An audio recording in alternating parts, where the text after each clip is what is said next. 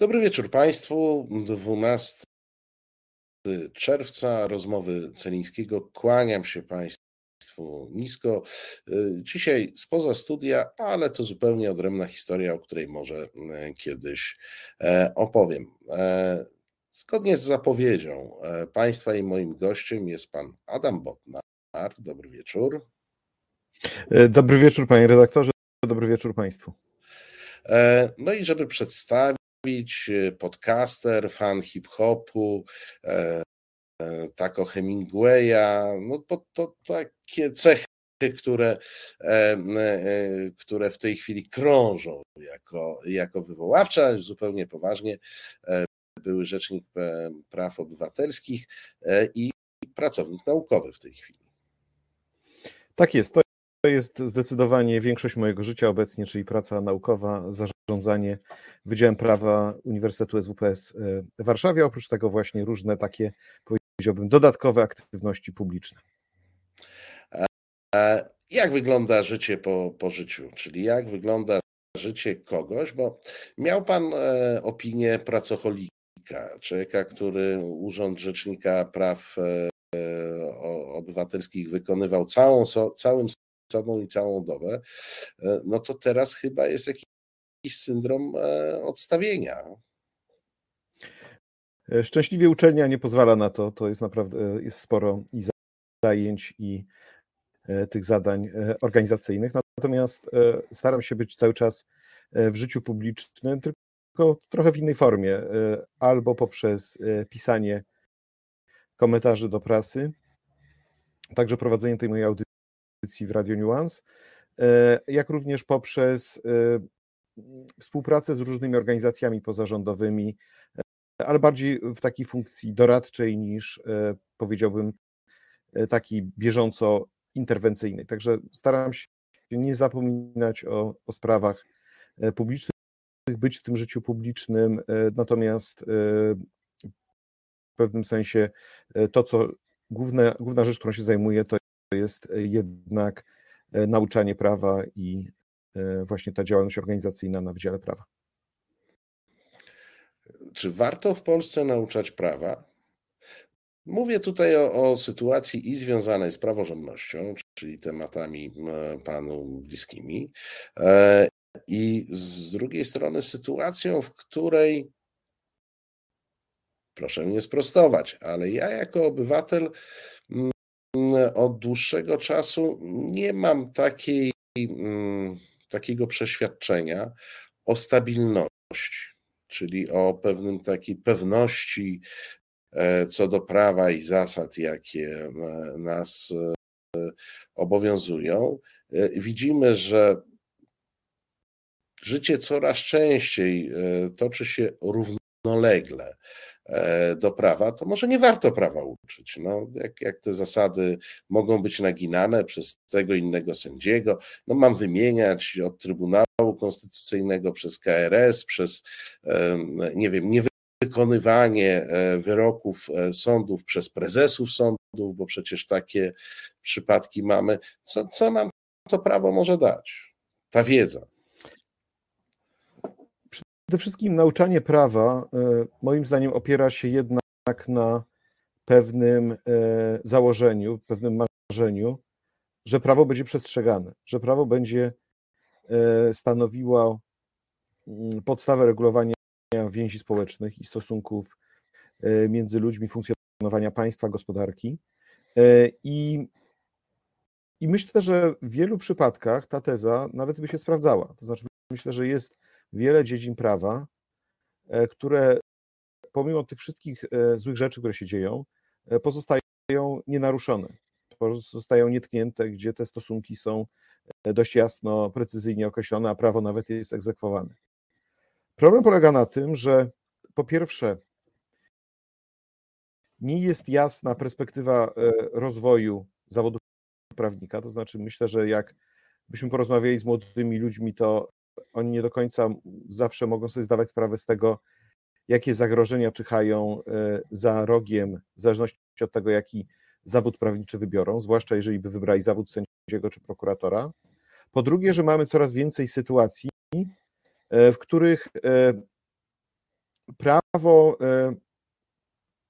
w którym prawo zaczyna być lekceważone, nieprzestrzegane, kiedy prawo ustępuje przed decyzją czy wolą polityczną. I wtedy oczywiście no, powstaje pytanie, po co w takim razie prawnik, jeżeli i tak decyduje wola polityczna. I to jest no, bardzo taka przykra konstatacja, ale z tej perspektywy czasami bardziej się przydają do zrozumienia rzeczywistości nie tyle podręczniki prawne, co raczej podręczniki do nauk politycznych. No, albo stara, dobra sowietologia, ponieważ my e, e, żyjemy, e, my, my żyjemy cały czas no, w sytuacji, w której decydują, ośrodek decyzyjny jest znany na ulicy Nowogrodzkiej, a liczy się to, kto jest bliżej ucha prezesa, czyli tutaj trzeba na, na tych trybunach zawsze wyliczać. I tego może coś wynikać. Albo nawet powiedziałbym jeszcze coś innego, to znaczy nawet z jednej strony ucho prezesa, ale z drugiej strony działania na zasadzie przypodobania się prezesowi, na zasadzie, bo może usłyszy, bo może zobaczy, czyli w pewnym sensie wyprzedzanie oczekiwań. Postępowanie na zasadzie takiej, e, zrobimy tak, żeby to się spodobało i żebyśmy byli zauważeni. Przecież nieraz jak widzę różne działania, czy komentarze publiczne, czy akcje hejterskie, to mam wrażenie, że to nie jest tak, że ktoś kazał, tylko chodzi o to, że po prostu funkcjonują ludzie w systemie i wiedzą, że dzięki takim zachowaniom być może zostaną zauważeni właśnie i docenieni, poklepani po ramieniu. To jest myślę, że równie tragiczne, co po prostu wykonywanie zwyczajnych poleceń. Ale to jest taka cecha systemów e, totalitarnych czy autorytarnych, gdzie odgaduje się myśli wodza i, i próbuje się e, i, i, próbuje się jakby uprzedzić e, jego pomysły, zrobić coś, żeby się podobać. Takie mieliśmy różne akcje, a to jeden minister lubił pompy, to tam konfetti, policjanci cieli. Tutaj no, ostatnio TVN chyba przez dwa dni pokazywał, jak się przygotowuje publiczność na przybycie prezesa w Sochaczewie. Odpowiednio głośno trzeba krzyczeć i odpowiednio e, rytmicznie e, klaskać. To wszystko wydawałoby się zabawne, gdyby nie to, że e, dzieje się w Polsce i że od jakiegoś czasu czasu. To znaczy, gdzieś powiedzmy jeszcze 2016, 2017 mogło trochę bawić. W tej chwili stało się, zdaje się, stało się, zdaje się, jakoś mi tak poleciało mało polsko, ale to zrobiła się norma. Podobnie jak te tablice wmurowywane w różne miejsca, gdzie prezes był, premier był, bądź ktoś po tym kamieniu stąpał. E, czy my jako obywatele przez ten okres rządów PiSu, a to jest już a to jest już jakby nie liczyć 7 lat, są już tacy dorośli obywatele, którzy nie pamiętają zupełnie innego czasu, innego sposobu sprawowania władzy. Czy my, obywatele, zmieniliśmy się i jest nam w tym dobrze? Ja myślę, że jeszcze bym się tak na sekundkę, zanim odpowiem, zastanowił nad tym, po co są te wszystkie właśnie tego typu uroczystości, właśnie jakieś murowanie kamienia, jakiś pomnik, jakieś uroczystości ku czci Lecha Kaczyńskiego e, i tak dalej. Ja myślę, że, e, a także po co są te gale, bo my czasami się na przykład śmiejemy z tych, ostatnio Jacek Kurski dostał gal e, tygodnika sieci prawdy. Tak, no tak. przecież to jakiś dowcip, tak, że jednak grupa trzymająca władzę nagradza drugą grupę trzymającą władzę w ramach tych swoich relacji. Ale kiedyś, przepraszam, że... tylko powiem, pan, pan trener Górski mówił o takiej grze ty mnie, ja tobie. A no właśnie. I teraz powstaje pytanie, z czego to się bierze? Ja tak się nad tym zastanawiałem i ja mam wrażenie, że to jest po prostu pewna forma zastępowania tradycyjnych mechanizmów podejmowania decyzji i dyskusji politycznej. Normalnie ludzie załatwialiby w państwie normalnym, demokratycznym sprawy poprzez to, że byłaby, byłyby określony podział kompetencji, określone sposoby dotarcia ze swoją opinią, byłoby wsłuchiwanie się władzy w to, co pisze prasa, należyte kontakty między obywatelem a społeczeństwem a, władzą.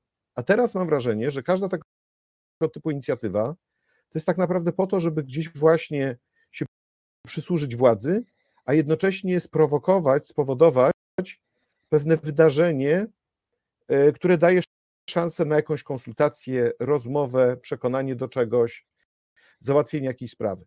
Czyli wchodzimy trochę na zasadzie, mm, jak w tym ojcu chrzestnym, prawda, gdzie wesele staje się okazją do załatwiania poważnych spraw.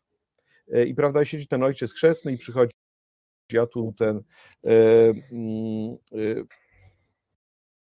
e, ten pan, który prowadzi zakład kamieniarski, organizuje pogrzeby, a to właściciel jakiejś restauracji, a to ktoś, kto ma, prawda, tam załatwić jakąś sprawę związaną z córką, która źle została potraktowana, tak? Czyli tworzymy jakieś takie dziwne struktury i dziwne, dziwne zachowania. Na przykład bardzo ładnie to kiedyś opisał Wojtek Szacki w polityce, który opisał, jak właśnie wyglądają te wszystkie gale i jak się, jak następuje rozgrywka przedstawicieli poszczególnych spółek Skarbu Państwa, prawda?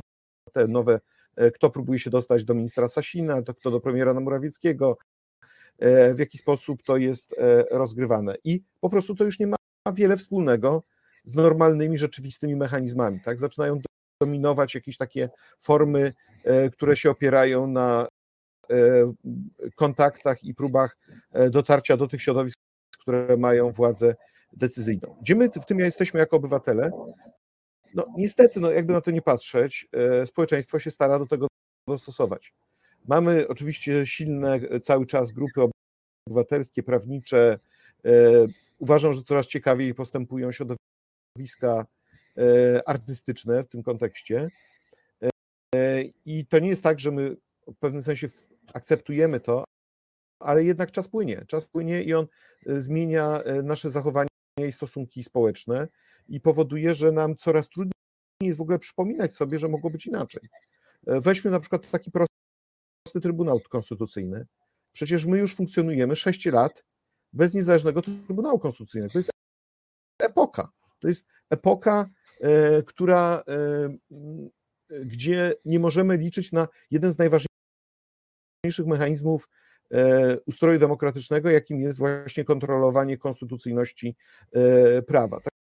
Tak, także czasami myślę, że sobie nie zdajemy sprawy, że ten upływ czasu spowodował radykalny wpływ na nasze zachowania społeczne i że nawet jak teraz przypominamy o tym, że coś jest źle, coś jest nie tak, no to już upłynęło tyle czasu, że to y, trochę nam brzmi jak e, pieśń o, e, jak bajka o żelaznym e, wilku.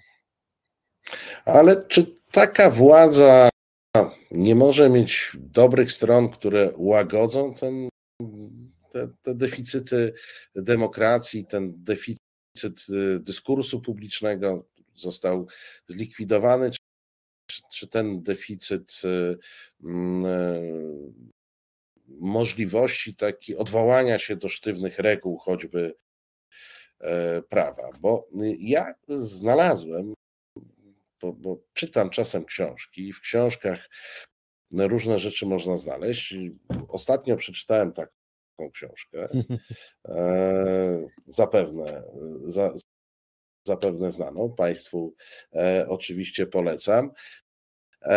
I cóż ja w tej książce przeczytałem o tej e, władzy, między innymi.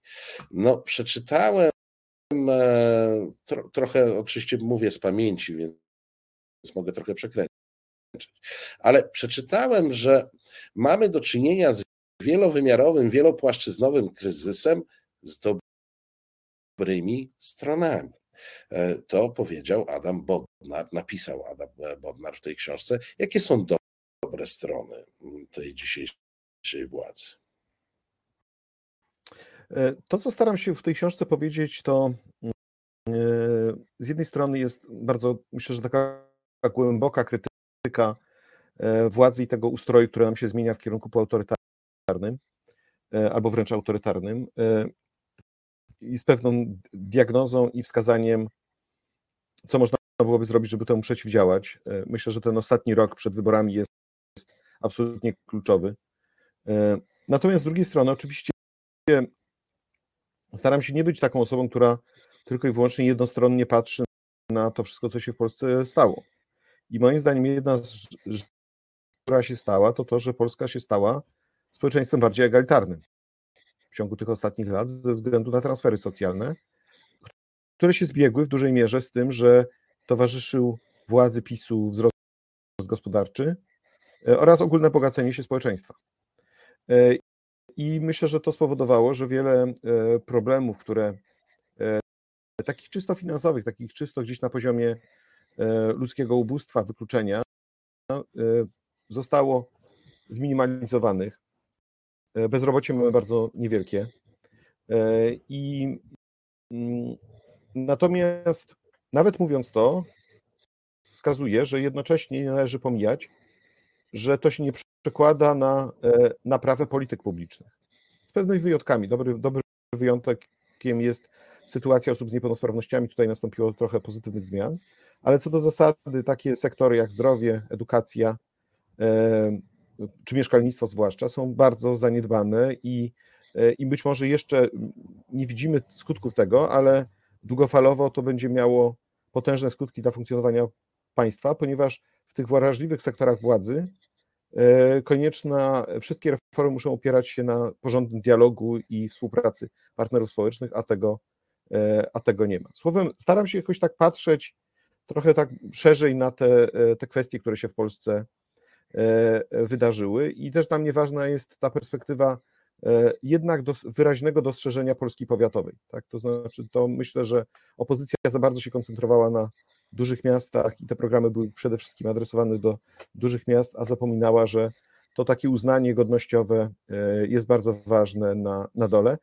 I, I dlatego uważam, że na przykład to, co teraz robi Donald Tusk, jest świetne, e, bo, bo to jest, uważam, jedyna droga do sukcesu. To znaczy jeżdżenie do każdej małej miejscowości, spotykanie się z obywatelami. To nie tylko z tego powodu godnościowego, ale też z powodu pewnego przechylenia e, dyskursu i i e, metod prowadzenia narracji e, politycznej w Polsce. No dobrze, jak już tak jesteśmy w tych dobrych tematach, to za co możemy cenić Patryka Jakiego? To znaczy, dobre pytanie, bo akurat wczoraj po prostu zasłynął straszną wypowiedzią, po prostu Szczerze mówiąc, nawet nie, nie, wiedziałem, że lokomotywa może mieć wagoniki, tak? Poza wszystkim, tak? Wydawało mi się, że pociąg ma wagoniki, a lokomotywa je ciągnie. No ale okej, okay, no rozumiem, że to y, kolejna e, jak to było? Haka, hakatomba. Ha, ha, hakatumba chyba.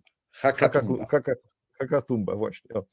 E, znaczy tak, ja, ja myślę, że to jest na pewno bardzo pracowity polityk. To jest na pewno facet, który się bardzo rozwinął i jak porównamy, kim był te ileś lat temu i kim jest teraz, to, e, to widać, że on jak się brał za jakiś projekt bardzo konkretny, gdzie miał coś do zrobienia, to on potrafił dużo osiągnąć i był i, i bardzo dobrze to myślę, że komunikował, dlaczego czymś się zajmuje i był bardzo taki ostry i konsekwentny w tym. I wydaje mi się, że ludzie paradoksalnie doceniają, doceniają tą jego pracę, taką właśnie czysto polityczną. Chociażby ja obserwowałem takie rzeczy jak więziennictwo, tak? On całkiem przyzwoicie trzymał to w garści i, i nadzorował.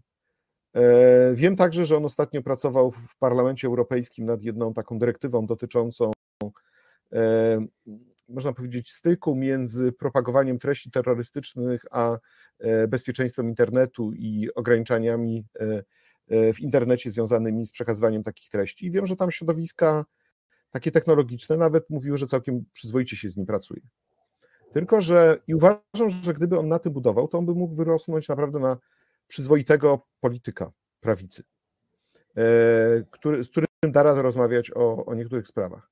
Tylko niestety, no, uważam, że on sam siebie, on jest sam wrogiem siebie samego. To znaczy, że to e, szukanie takiego uznania medialnego powoduje, że on się ładuje e, albo w jakieś po prostu idiotyczne wypowiedzi na temat historii Polski e, w kontekście właśnie integracji europejskiej, czy e, w kontekście II wojny światowej zwłaszcza, albo właśnie, to, właśnie Unię Europejską atakuje no, ten jego, ta jego słynna prezentacja o tym, że rzekomo na członkostwie Polski w Unii Europejskiej, czy, czy teraz ta, ta dyskusja o tych wagonikach.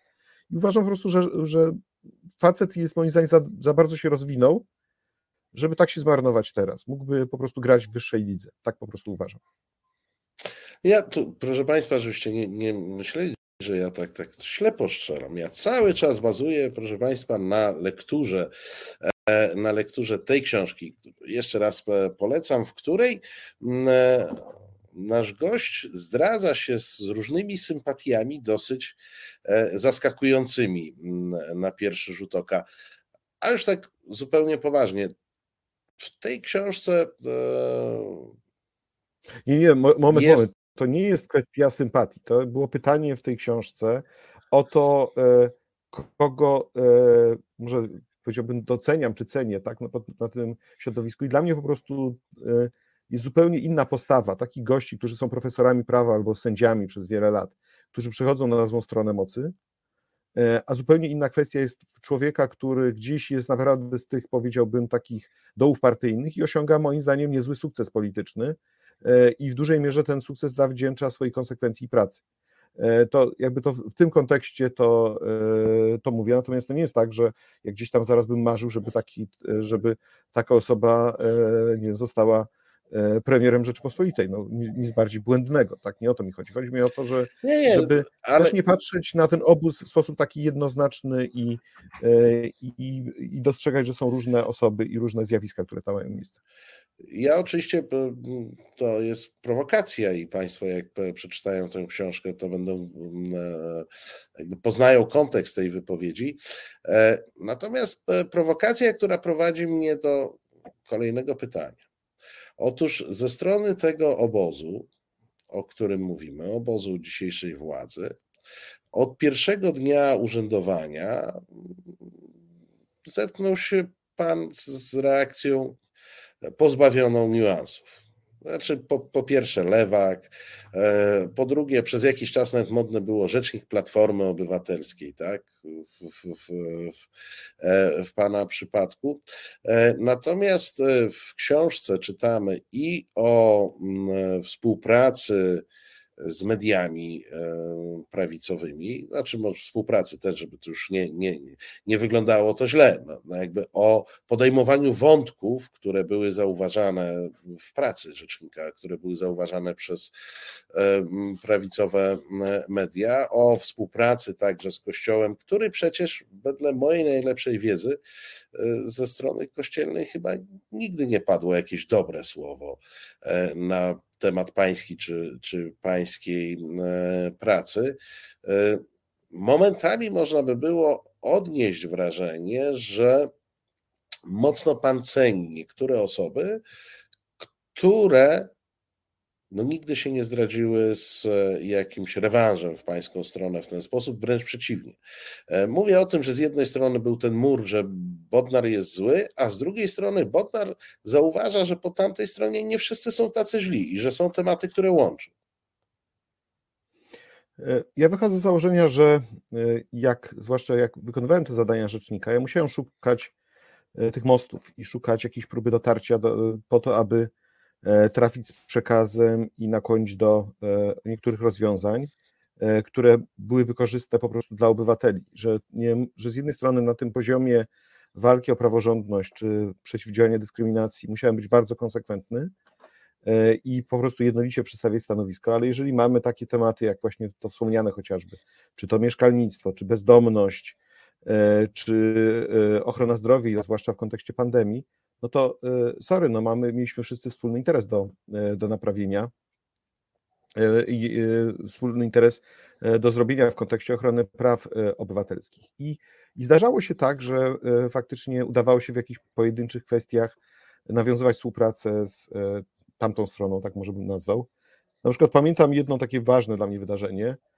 Końcówka 2016 roku udało się zorganizować razem z arcybiskupem Gondeckim takie specjalne spotkanie e, poświęcone tematyce migrantów oraz bezdomnych.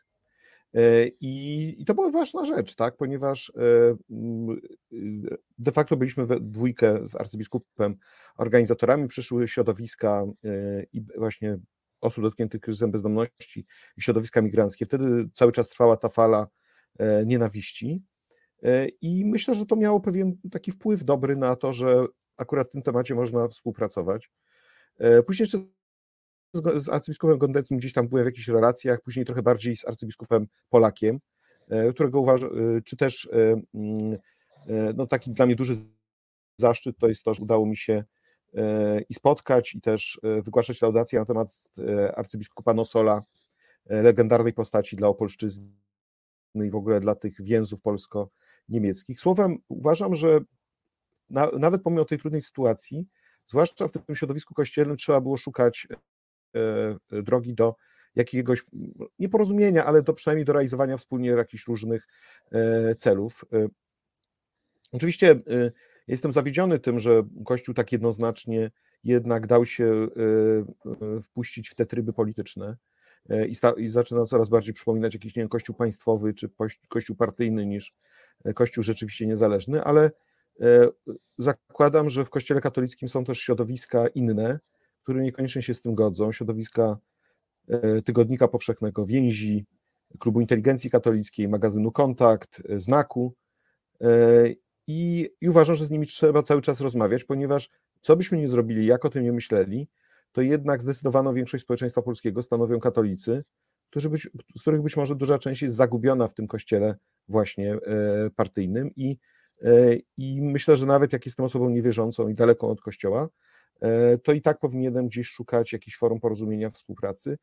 I też cieszę się, że to było docenione, bo między innymi dostałem nagrodę pontyficji od Klubu Inteligencji Katolickiej Warszawskiego, właśnie za, te, za to, taką próbę budowania e, mostów. Ja na to patrzę trochę bardziej tak długoterminowo, to znaczy nie na zasadzie takiej tu i teraz, tylko, tylko w jakiej Polsce my chcemy żyć e, za 5, 10, 15 lat i, i możemy na różne sposoby to, to kształtować, natomiast to nie spowoduje, że nagle z Polski się, y, że, y, że nagle wszyscy obywatele przestaną być katolikami, wręcz odwrotnie, tak znaczy dalej będą katolikami trzeba e, e, szukać e, sposobów dyskusji i zrozumienia dla tych wartości, które są istotne dla strony liberalnej.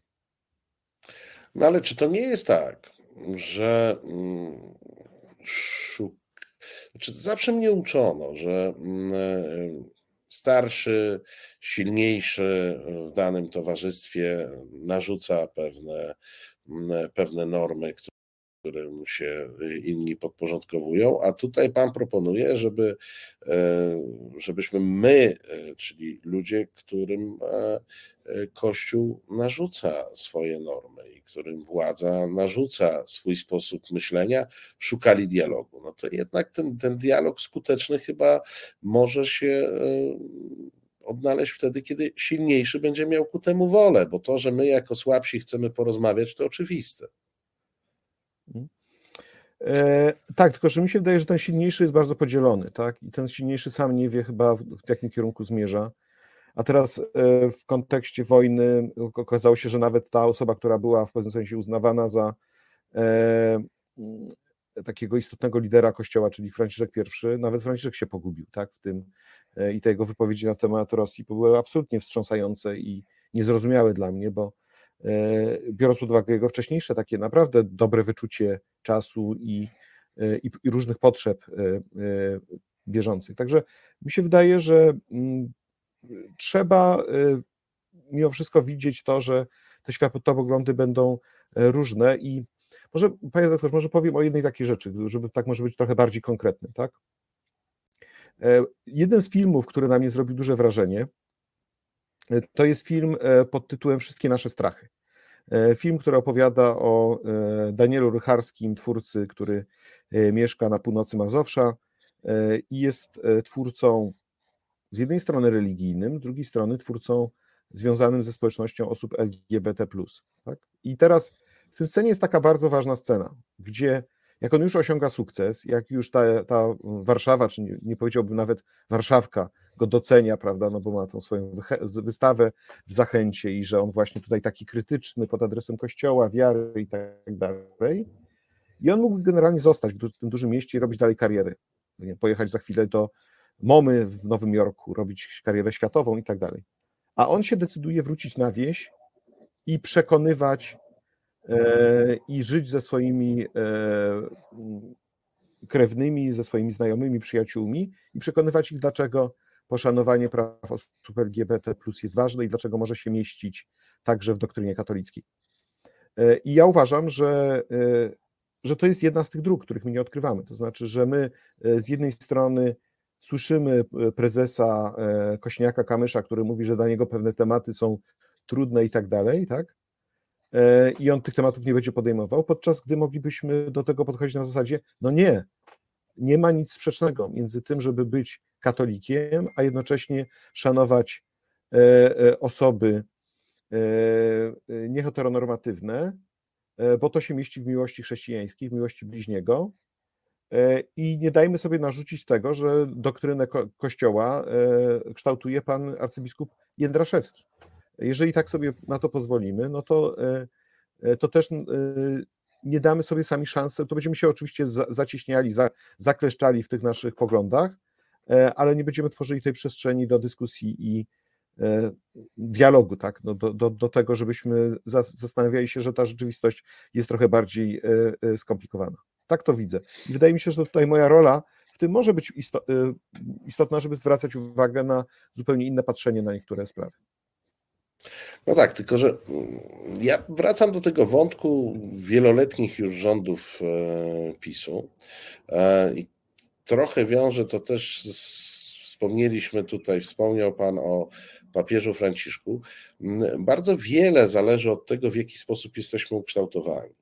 E, moja prywatna teza na temat zachowania papieża Franciszka e, wobec e, Rosji. Jest taka, że on jest po prostu z tego, a nie innego kręgu kulturowego, w którym inny antyamerykanizm, antynat nie wiem jak to nazwać, chodzi mi o NATO, e, jakiś neologizm musiałbym, e, e, gdzie agresorem z natury jest, są Stany Zjednoczone, a Rosja czy Związek Sowiecki jest bardziej bądź mniej sojusznikiem. Mówię to o Ameryce Południowej, o tym kręgu kulturowym i myślę, że on po prostu jak przepuszcza przez filtr swojej tożsamości, kulturowej, trafia do niego Władimir Putin, a nie, nie trafia do niego Joe Biden e, na przykład. I wracam do tej Polski. E, jesteśmy mm, coraz bardziej przyzwyczajeni e, do sytuacji, w której mm, trzeba cały czas patrzeć na władzę. Nie ma tego punktu odniesienia w sądownictwie, nie ma tego punktu odniesienia w Trybunale Konstytucyjnym, który mógłby władzę e, zahamować. Zresztą ja sam napisałem w zapowiedzi tej naszej rozmowy coś, co absolutnie to tak rozumiem. E, pan e, był ostatnią redutą takiego nieupaństwowionego, nieupartyjnionego myślenia o społeczeństwie, myślenia o obywatelach. Jak my możemy przymierzyć się do dialogu, o którym mówimy, czy jak możemy się przymierzyć do zmian także systemowych, o których e, Pan mówi e, w książce, tak? bo tam padają przykłady, jak należałoby potraktować KRS, jak należałoby potraktować takie czy inne instytucje, skoro my już jesteśmy, my już mamy wszyscy, a szczególnie ci młodsi od nas, którzy nie, nie znają innej władzy, no mamy już określony filtr na oczach. E, ja słuchałem wystąpienia e, pana prezesa Kaczyńskiego w Sochaczewie, który opowiedział, że mm, z naszą demokracją jest bardzo dobrze e, i że demokracje w różnych krajach różnie wyglądają. Natomiast my na tle takich krajów jak Stany Zjednoczone czy Kanada, no wychodzimy na mocno demokratycznych. To są słowa pana prezesa. Mało tego, mam wrażenie, że e, bardzo wielu z nas w to wierzy, a reszta jest wobec takiego stwierdzenia neutralna. Ta, ten odsetek, który by oprotestował, że to chyba pan prezes nie do końca mówi e, prawdę, jest chyba niski. Mówię tu też o, tej, o tym o czym Pan cały czas wspomina, że to musi być tworzone wspólnie w procesie jakiejś dyskusji. No w dyskusji może nam na przykład wyjść, że najbliższy jest nam jednak jakiś autorytaryzm.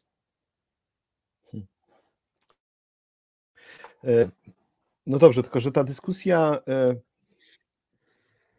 jest zazwyczaj wtedy, żeby, kiedy chcemy jakiś problem rozwiązać, albo kiedy chcemy się z nim zmierzyć w kontekście jakiegoś długoterminowego, przyszłościowego rozwoju państwa czy jakiejś wspólnoty politycznej.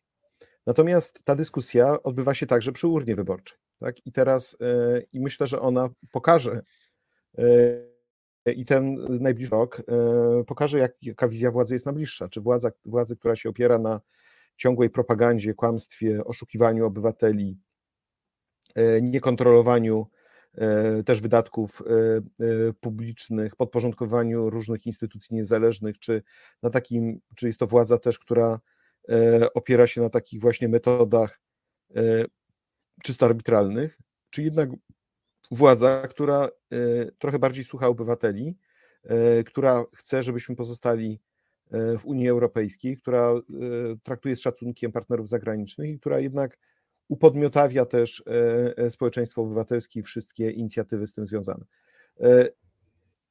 Dla mnie to, co się ten najbliższy rok, to, to, jest, to będzie swoista dyskusja o przyszłości Polski. Natomiast jeżeli przejdziemy przez ten moment, i jakimś, nie chcę powiedzieć jakimś cudem, ale tak się może wydarzyć, że opozycja wygra wybory i co więcej podkreślam, druga rzecz, drugą rzecz, że te wybory zostaną uznane, bo ja się tego bardzo boję, że, e, że władza korzystając ze swojej takiej siły e, propagandowej, ale także kontroli nad e, sektorami władzy siłowymi oraz ze względu na kontrolę, może inaczej kontrolę, wpływ duży na Sąd Najwyższy, władza może podejmować różne działania, żeby podważać wynik wyborów. E, ale jeżeli by się tak miało zdarzyć, że wybory zostaną wygrane przez opozycję, opozycja będzie miała na tyle dobry wynik, że trudno będzie podważać ten wynik wyborczy, no to oczywiście e, wkroczymy wtedy w moment, e, jak na nowo poukładać Polskę.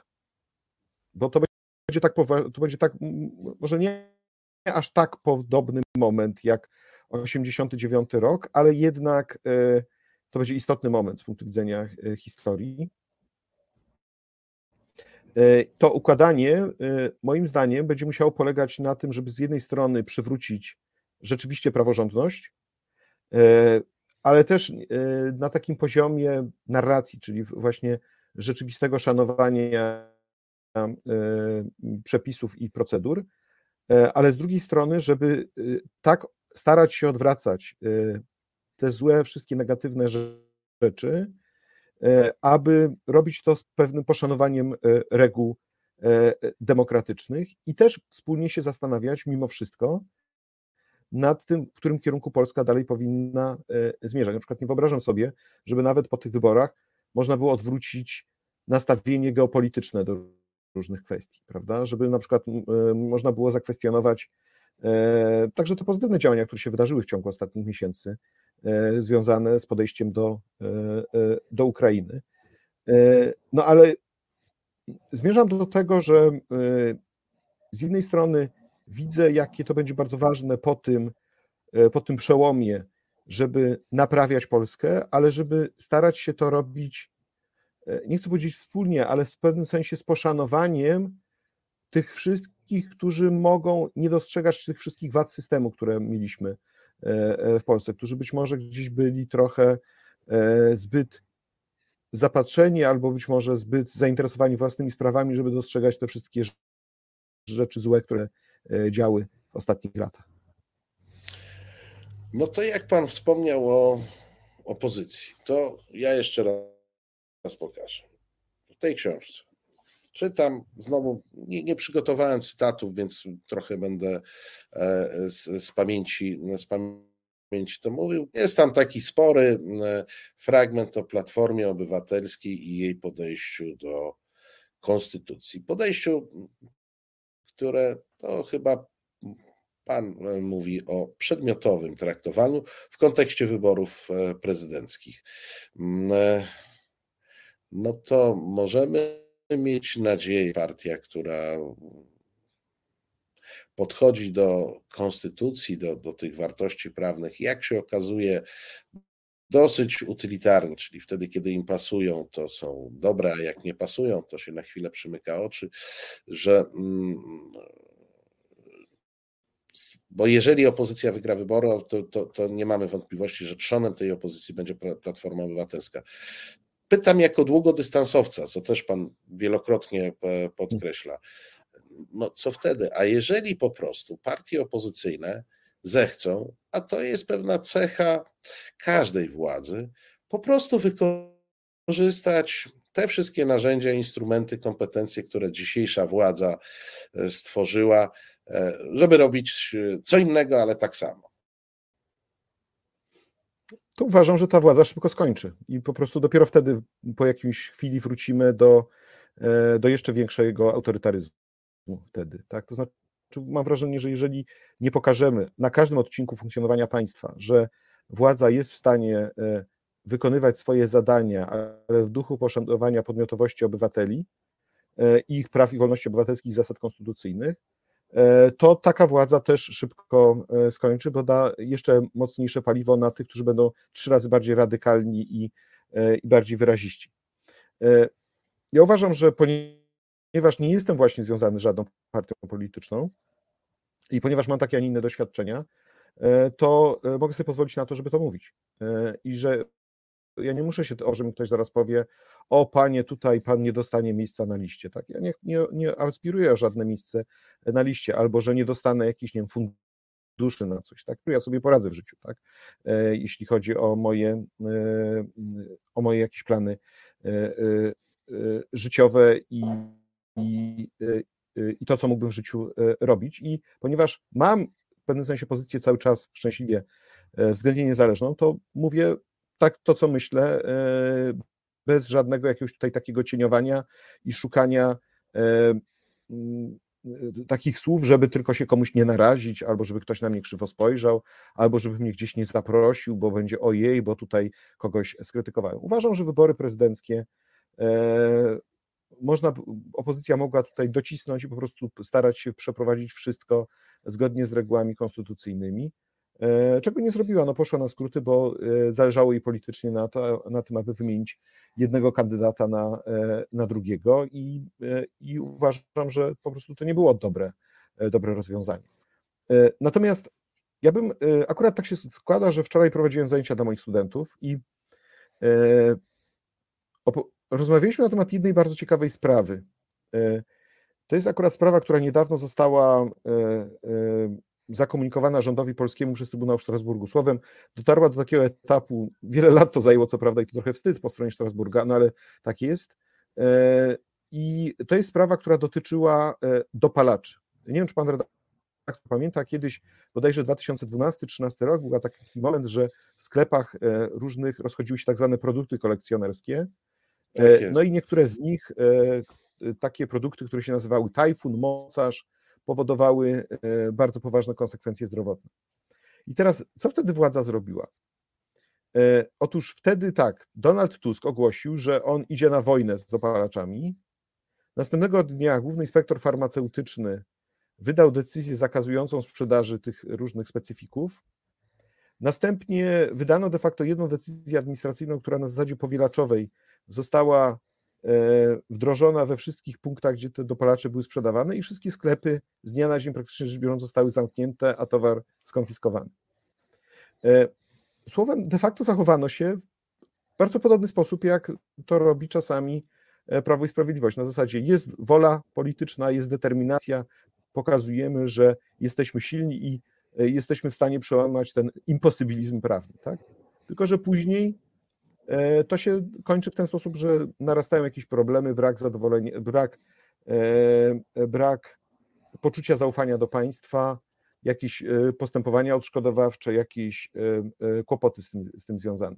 Słowem, każda partia władzy może ma tendencję do tego, żeby iść na skrót. Oczywiście Prawo i Sprawiedliwość doprowadziło to do granic absolutnie niewyobrażalnych, bo to nie tylko jest pójście na skróty, ale też rozwalanie wszystkich instytucji kontrolnych, które mogły utrudniać władzy e, cokolwiek. Natomiast w pewnym sensie w tym sprawowaniu władzy, w tym naszym niestety polskim chyba DNA jest to, żeby właśnie to prawo gdzieś zostawiać z boku, żeby gdzieś je lekceważyć. A ja uważam, że właśnie nie, że trzeba podchodzić do tego bardzo poważnie i bardzo dbać o procedury oraz ich e, przestrzeganie. E, I bo, bo bo nie zbudujemy porządnego państwa długoterminowo, jeżeli do prawa będziemy podchodzili w sposób lekceważący i na skróty. No a może nie warto budować tego, tego państwa, bo podobno alternatywą dla państwa PiS jest Eurofederacja, e, do której także się pan odnosi w książce, czyli, czyli ściślejsza integracja europejska. Mm, ja zresztą widzę ten trend w bardzo wielu kręgach mm, e, opozycyjnych. Takie marzenie o tym, żeby prawo europejskie, normy europejskie, a najlepiej jeszcze administracja europejska zastąpiły tę tekturową Polskę, no bo ona jest cały czas tekturowa, ona cały czas, ona cały czas e, nie działa. Może to jest jakieś rozwiązanie? E, no, nie do końca. To znaczy, to jest też taki swoisty paradoks, że na przykład w Polsce, jak mamy jakąś ustawę, która jest promowana przez rząd PiS, jakaś na przykład, na przykład jakaś ustawa podatkowa typu Polski Ład, tak? to idzie to jak burza przez parlament. W ogóle leci na złamanie karku, nikt się nie przejmuje błędami, byleby tylko zrealizować projekt. A, na przykład a po miesiącu się zniesie. No. Tak, a później się zniesie. A z drugiej strony na przykład mamy ustawy, które mają za zadanie wykonać prawo unijne. Jest na przykład taka ustawa obecnie o sygnalistach, o whistleblowerach. E, mamy dyrektywę, którą powinniśmy byli wdrożyć do grudnia 2021 roku. Jeszcze nie została wdrożona, ale tak, mieliśmy już pierwszy projekt ustawy, drugi ustawy, regularne konsultacje społeczne, pełne zaangażowanie biznesu, wszystko normalnie, ładnie, grzecznie. E, oczywiście jest opóźnienie, ale jednak jak się czyta to, to widać, że tam jest jakaś dbałość o to, że jest jakiś dialog, jakaś rozmowa, tak? I to jest jakieś niesamowite, że jak coś płynie z Brukseli i nie jest polityczne, nagle się okazuje, że można to robić e, e, w miarę przyzwoicie, zgodnie z zachowaniem jakichś tam reguł. Natomiast Unia Europejska ma to do siebie, że polega ona na przekazaniu części kompetencji. E, I gdybyśmy przekazali wszystkie, to faktycznie byśmy się stali federacją, ale cała sztuka polega na tym, żebyśmy przekazali tylko te kompetencje, które chcemy, te, które uważamy za niezbędne z punktu widzenia rzeczywistego, lepszego funkcjonowania we wspólnocie e, europejskiej, wspólnego rozwiązywania problemów. Ale cały szereg problemów, spraw musimy i chcemy i powinniśmy zachować u siebie. Wszystkie kwestie związane z polską tradycją, z edukacją, e, związane z, e, z naszą wojskowością, naszym bezpieczeństwem, e, odpowiedzialnością karną za różne sprawy, porządkiem publicznym i tak dalej. Mnóstwo rzeczy, które są typowymi sferami kompetencji narodowych i nikt nie chce ich przekazywać, ale w tej sferze też powinniśmy normalnie rządzić porządnie, zgodnie z określonymi regułami, a nie dążyć do tego, żeby właśnie jakiś ten eurorząd za nas te decyzje podejmował, bo ten eurorząd też może się mylić. A poza tym uważam, że to, co my tracimy, i to zresztą było kilka artykułów na ten temat, Bartka Wielińskiego z Wyborczej, swego czasu Radek Sikorski o tym pisał, Tomasz Bielecki, oni pisali coś takiego, taką tezę stawiali, że Polska Unii Europejskiej ze względu na to, że mamy te wszystkie problemy, gra poniżej ligi swojej. Że my, gdybyśmy mieli normalne, porządne relacje z Unią, to po prostu naszą wiedzę, naszą fachowość, nasze naszą kreatywność, moglibyśmy to nadać na rozwiązywanie problemów dla całej Europy. Tylko my z tego po prostu sami jakby na własne życzenie e, e, rezygnujemy. I tutaj e, ja na przykład taka prosta rzecz. Ja na przykład uważam, że po pandemii powinniśmy dążyć do tego, aby ujednolicić ochronę zdrowia, może inaczej, zdrowia na szczeblu unijnym, czyli standard prawa do ochrony zdrowia. Nie mówię, że zaraz jutro, ale żeby sobie wyznaczyć cel, tak, że ok, że dążymy do tego, że w 2000 powiedzmy 35 wszystkie państwa Unii Europejskiej mają podobny poziom e, ochrony zdrowia. I stawiamy to sobie jako po prostu e, cel, bo nie chcemy doprowadzić do tego, że jak przyjdzie jakaś kolejna pandemia, to te Niemcy są do przodu, bo mają tyle te respiratory, e, a, a my jesteśmy do tyłu, bo akurat z, o tym zapomnieliśmy. Ale to mamy wiele innych takich problemów, tak? Tylko żeby to zrobić, to tak, trzeba stworzyć koncepcję, ktoś musi za tym chodzić, traktować to jako priorytet e, polityczny i walczyć o odpowiednie rozwiązania na szczeblu europejskim. My z tego rezygnujemy.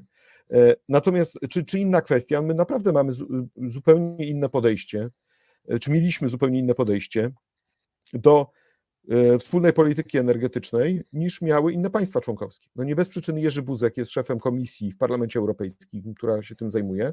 No i nie bez przyczyny jednak to też o tym też mówię w książce, a propos tutaj różnych rzeczy to nasze podejście do Nord Stream 2 było jednolite w Polsce, tak? Nie było grupy opozycyjnej, może poza jakimiś, e, powiedziałbym, posłami, których nazwisk chyba nie chcieć, e, którzy by e, którzy by tutaj nie krytykowali Rosji za ten projekt i nie krytykowaliby Niemiec też za ten e, projekt. My byliśmy zainteresowani tym, inne państwa nie. Jeżeli byśmy byli silniejsi w Unii, to byśmy mogli osiągać nasze, także lepiej nasze cele e, geopolityczne i cele w zakresie naszego bezpieczeństwa.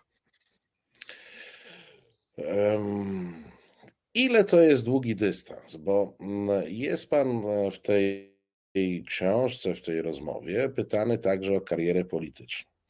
E, I mówi pan premierem, to ja nie chcę być, ale ministrem to już mógłbym być, ale to jest długi dystans.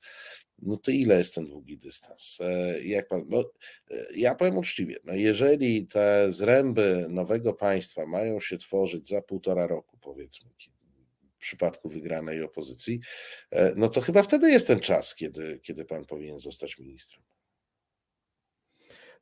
To znaczy tak, to, z tym ministrem jest tak, że e, też trzeba moim zdaniem podać kontekst tej wypowiedzi. E, kontekst się bierze z e, tego kongresu Kampus Przyszłości, w czasie którego profesor Matczak został spytany, czy gdyby opozycja mu zaproponowała funkcję ministra sprawiedliwości, to czy on by to wziął. Tak I, minister, I profesor Matczak odpowiedział, że nie, bo ktoś musi władzę recenzować.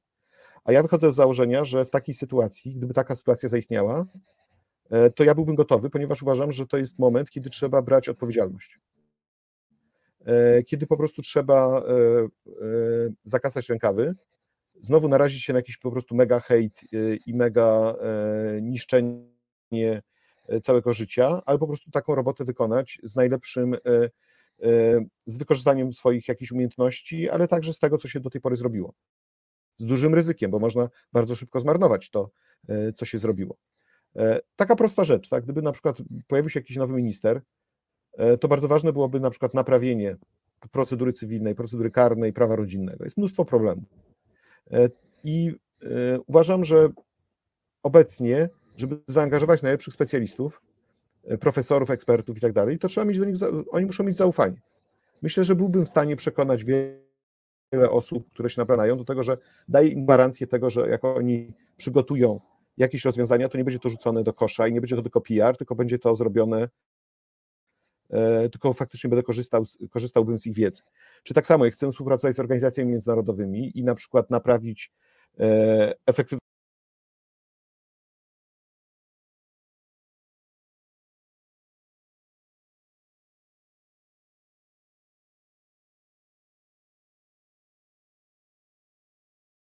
efektywność postępowania w jakichś sprawach, to też z tymi organizacjami trzeba wiedzieć, jak rozmawiać i po co one, w jakim zakresie one mogłyby by pomóc. Natomiast ja uważam, że jeżeli by ta zmiana nastąpiła, to to jest tylko i wyłącznie początek długiej drogi. E, naprawianie Rzeczypospolitej, stawianie jej na te nowe tory, e, to, tory y, takie, że gdzieś dążymy w kierunku ja uważam skandynawskim, wydaje mi się, że to jest polski, to powinien być polski model.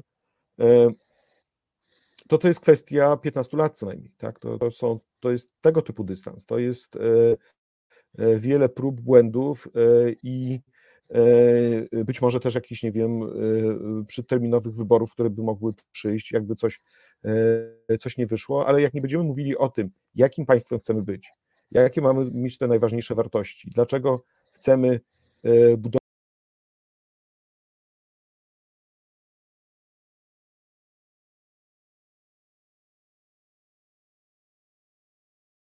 budować e, rzeczywiście prawdziwie demokratyczne, nowoczesne, e, egalitarne państwo, e, a będziemy tylko żyli, można powiedzieć, z godziny na godzinę, no to nie osiągniemy tego, tego, tego celu. Natomiast naprawienie tego wszystkiego, stawianie państwa na nowe tory, to jest kwestia kilkunastu lat.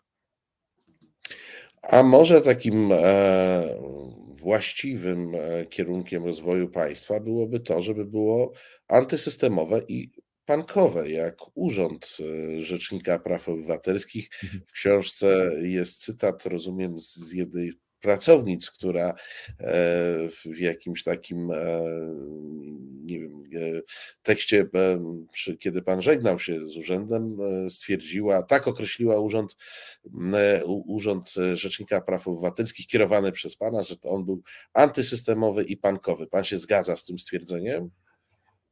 To jest oczywiście pewna przesada, bo byliśmy częścią absolutnie systemu, tak? No to jest jednak urząd państwowy i działamy w ramach określonych e, reguł. Natomiast faktycznie tam, gdzie była przestrzeń, to staraliśmy się robić trochę i postępować wbrew e, oczekiwaniom i wbrew takiemu ogólnemu e, nastawieniu. No, myślę, wydaje, że taka sprawa, która dość pokazywała to podejście, to oczywiście była ta sprawa przejęcia Polska Press przez PKN Orlen. Sprawa no de facto przegrana, jakby na to nie patrzeć, tak? Bo jednakże to, że udało mi się w ogóle pokazać, że rzecznik w takich sprawach może uczestniczyć i że może uzyskać postanowienie tymczasowe o wstrzymaniu transakcji, e, które powinno być wykonane, a zostało niestety zignorowane, ale to już jest osobna opowieść, to jednak e, to zadziwiło bardzo wiele osób, tak? także ze środowiska prawa konkurencji, że w ten sposób można e, działać. Myślę, że w sprawach Frankowiczów mieliśmy bardzo dużo takich nietypowych działań i dość ostro w którymś momencie postawiliśmy się bankom, walcząc o, o prawo Frankowiczów, czy, czy wreszcie, może to nie było widziane aż tak, znaczy tych aktorów w tych sprawach było mnóstwo, ale te wszystkie sprawy dotyczące praworządności, E, było, było naprawdę e, sporo. Dla mnie na przykład też taką, takim rodzajem, może nie pankowości, ale jednak takiego pokazania, że ja jestem tutaj i nie zejdę z tej drogi, to było to, co robiłem 13 i 14 lipca. No przecież to ja, ja wtedy co mógłbym robić? 15 odchodziłem z urzędu. Mogłem wtedy przecież się spakować, pojechać na urlop, e, powiedzieć, że w ogóle żegnać tych pracowników, tak? A ja oczywiście i takich żegnałem cały czas, dopełniłem tych wszystkich formalności e, i tych ceremonii, e, które są wymagane w takich sytuacjach. E, tym bardziej, że chciałem wszystkim bardzo podziękować, w tym także społeczeństwu obywatelskim, obywatelskiemu, ale jednak 13 i 14 to siedziałem w Trybunale Konstytucyjnym, gdzie Trybunał nas próbował wyprowadzać z Unii Europejskiej, bo uważałem, że to jest moja rola. I że to jest moja rola, żeby spojrzeć tym ludziom tam w tym Trybunale, panu Sochańskiemu i spółce, i powiedzieć, co, im myśl, co myślę na ten temat i dlaczego po prostu się nie zgodzę na to, żeby e, po prostu ludzie jakimiś pseudo-trikami prawniczymi próbowali podważać e, członkostwo Polski w Unii Europejskiej.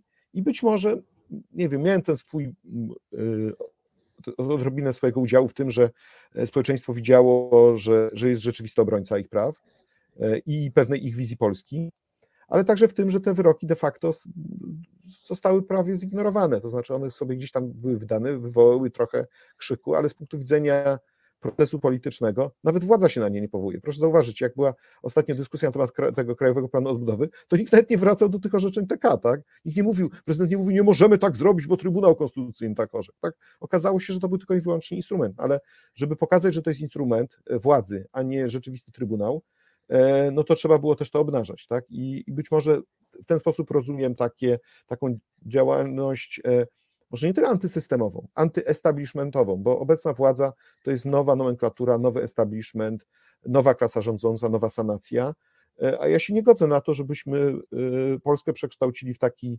sposób, że, że właśnie będziemy mieli jakąś nową warstwę, do której jak się człowiek nie przyłączy, to nic już w tym państwie nie może zrobić. Uważam, że państwo należy przywrócić obywatelom na każdym poziomie, nie tylko samorządu lokalnego, ale też kontroli nad spółkami Skarbu Państwa, mediami publicznymi, kontroli nad służbami specjalnymi, prokuraturą. E, we wszystkich tych organach władzy możliwe jest przybliżenie e, państwa obywatelom i tego też będę oczekiwał od opozycji, że opozycja różne pomysły w tym zakresie będzie w ciągu najbliższej kampanii e, przedkładała. Kiedy e, zapowiedział Pan e, to, e, to nasze spotkanie w swoich mediach społecznościowych, napisał Pan, że to będzie trudna rozmowa, bo w większości się zgadzamy. No i się Pan nie pomylił. To tyle. To tyle chciałem powiedzieć. Bardzo dziękuję. Tak, tak ale właśnie, właśnie na, tym to, na tym to polega, że, że jak się że jak się zgadzamy, przynajmniej przecież rozmawiamy też w różnych innych formatach, prawda, to, to wbrew pozorom to nie jest wcale tak łatwo porozmawiać, bo jak się dochodzi do różnych e, e, dywagacji, to e, okazuje się, że te podobieństwa wcale nie są aż tak duże, że tych różnic jednak trochę jest. Proszę Państwa, ja bardzo polecam, o, już muszę jeszcze z, z, efektem lustra powalczyć, e, tę książkę. Adam Bodnar w tej książce porzucił to, co towarzyszyło mu, e, kiedy był rzecznikiem praw obywatelskich, czyli porzucił pewną taką dyplomatyczną ostrożność i, i mówi tu e, w moim odczuciu bardzo szczerze o, o różnych zjawiskach. Warto, e, warto tę książkę przeczytać. Zwyczajowo, proszę Państwa, ja wprawdzie myśmy mieli się spotkać w studiu, pewne okoliczności spowodowały, że nagrywamy się zdalnie, ale ja obiecuję, że dla tego z Państwa, kto pierwszy napisze maila na e, reset ta książka e, z autografem autora, który jakoś e, zdobędę do tego naszego czy naszej widzki, widza, e, słuchaczki, słuchacza e, trafi. Książka jest tylko raz czytana, w związku z czym mhm. jak zdobędę e, autograf, to dalej będzie wyglądała jak, jak nowa.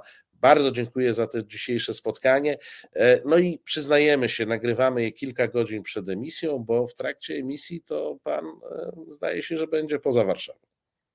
Będę się przemieszczał ze spotkania w Kielcach do, y, do województwa łódzkiego, gdzie akurat przebywa moja żona i dziecko i muszę ich stamtąd zabrać. Także taki będzie mój plan wtedy, w tym czasie. Czyli to będzie w, o tej porze.